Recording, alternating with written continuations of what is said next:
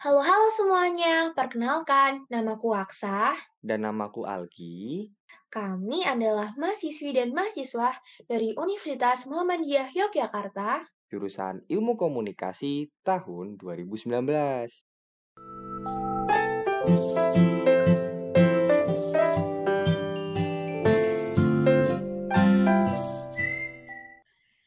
Jadi, pada kesempatan kali ini, aku dan Algi akan menyampaikan sebuah informasi mengenai karakteristik radio dan televisi. Sekarang aku mau nanya ke kalian. Kalian tuh lebih suka dengerin radio atau menonton televisi? Kalau aku sih prefer ke radio lah. Radio, bro. Serius? Di zaman modern kayak gini tahun 2020, kamu masih suka dengerin radio? Eh, eh, eh, jangan salah ya. Nih, radio itu nggak pernah ketinggalan zaman. Nisa, aku tahu deh ke kamu, segimana hebatnya radio. Nih, aku tahu ya, dari karakteristiknya aja tuh radio tuh bersifat imajinatif. Radio tuh menciptakan theater of mind. Tahu nggak tuh theater of mind? Itu artinya radio mampu menciptakan gambar dalam pikiran pendengar hanya melalui kekuatan kata dan suara. Tuh, bayangin kerennya. Nih, lagi ya, radio itu cepat dan langsung. Radio itu alat komunikasi yang paling cepat buat nyebarin informasi yang yang bener-bener informasi itu karena nggak pakai langkah-langkah yang kompleks jadi ya udah pasti dapet informasinya. Terus akrab. Itu tuh pemandu penyiar radio tuh kayak temen rasanya ketika mereka ngomong. Iya mereka mau satu arah ngomongnya ke mic-nya mereka tuh. Tapi kita sebagai pendengar tuh kita bakal ngerasain kayak weh aku punya temen aku diajak ngobrol nih dua arahnya tuh ada di theater of mind-nya gitu. Terus hangat. Hangatnya kenapa? Karena suasana dengan kata-kata musik sama efek suara itu bisa mempengaruhi emosi pendengar gitu. Dan ya pokoknya radio tuh mengerti banget lah. Terus tanpa batas. Siaran radio itu mampu menembus batas-batas geografis. Bahkan kultural dan kelas sosial itu pun bisa ditembus bayangin radio loh. Terus apalagi yaitu murah. Radio itu murah. Kita tinggal beli pesawat radio taruh dicolokin ke listrik udah dipencet cari siaran gelombang yang pas nyala. Nah yang terakhir nih radio tuh fleksibel. Mau dengerin di mana aja bisa ngapain aja kapan aja. Pokoknya ya sangat-sangat fleksibel. Bahkan aku sendiri tuh dengerin radio tuh di mobil gitu loh. Ketika aku lagi di jalan tuh dengerin Prambors acara DGITM yang sapa mantan itu kayak wah seru sih mendengarkan orang-orang yang menyapa mantannya dan semacam itu fleksibel banget radio tuh gitu sa Oke, oke, stop. Televisi juga nggak mau kalah sama radio. Aku yakin televisi itu punya lebih banyak keunggulan daripada radio. Yang pertama nih, aku sebutin ya, audio visual. Televisi memiliki kelebihan dapat didengar dan sambil melihat gambar yang ada di televisi. Nggak kayak radio kan, radio cuma bisa didengerin dari suaranya kan.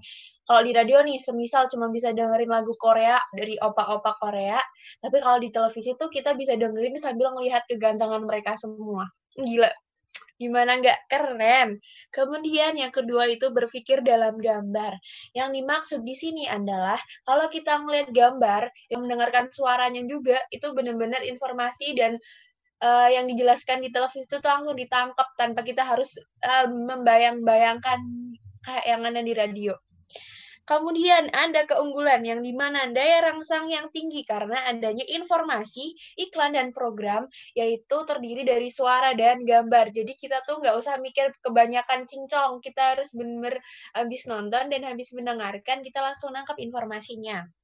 Kemudian teknologi tinggi, yaitu televisi bisa dinikmati secara digital dan streaming melalui internet.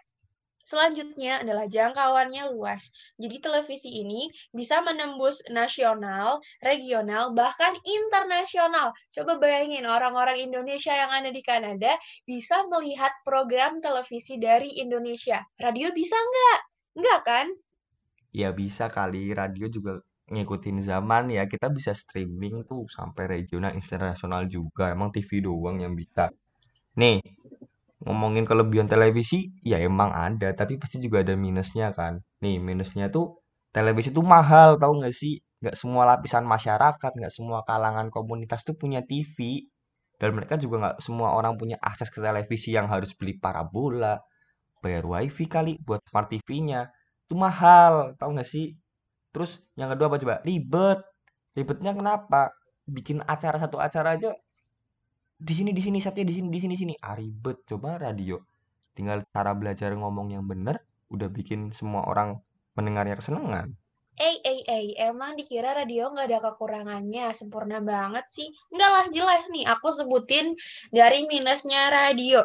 Yang pertama itu auditori, di mana keterbatasan eh, pendengar oleh manusia terkadang membuat informasi ada yang tidak bisa ditangkap.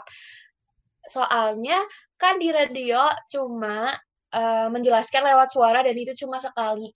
Nah, manusia itu pendengarannya tuh kadang suka ter apa ya kayak lagi melakukan sesuatu pasti nggak secara fokus didengar gitu kan. Cuma sekelebat gitu doang. Jadi gimana ya juga nggak bisa diulang kan informasinya. Terus yang kedua itu mengandung gangguan suara yang bisa timbul dan tenggelam karena adanya gangguan teknis dan sinyal. Dah tuh. Hmm ya terserah sih yang penting TV itu mahal radio itu murah dan aku tim radio pokoknya sama aku tim Algi alias tim radio oke okay? aku nggak mau Pokoknya tim televisi alias tim Aksa. Aku juga nggak mau kalah. Ya, pokoknya kalian semua yang mendengarkan radio, temanku dah. Kalau yang dengan TV, buang jauh. gak boleh kayak gitu. Ya udah, pokoknya aku nggak mau tahu tanpa alasan apa pun, aku nggak mau milih radio, tetapi aku bakal selalu milih televisi. Udah ya, diem. Hmm. Oke, sampai segitu aja. Terima kasih semuanya. Aku mau ngelanjutin ribut sama Algi. See you. Dadah semua.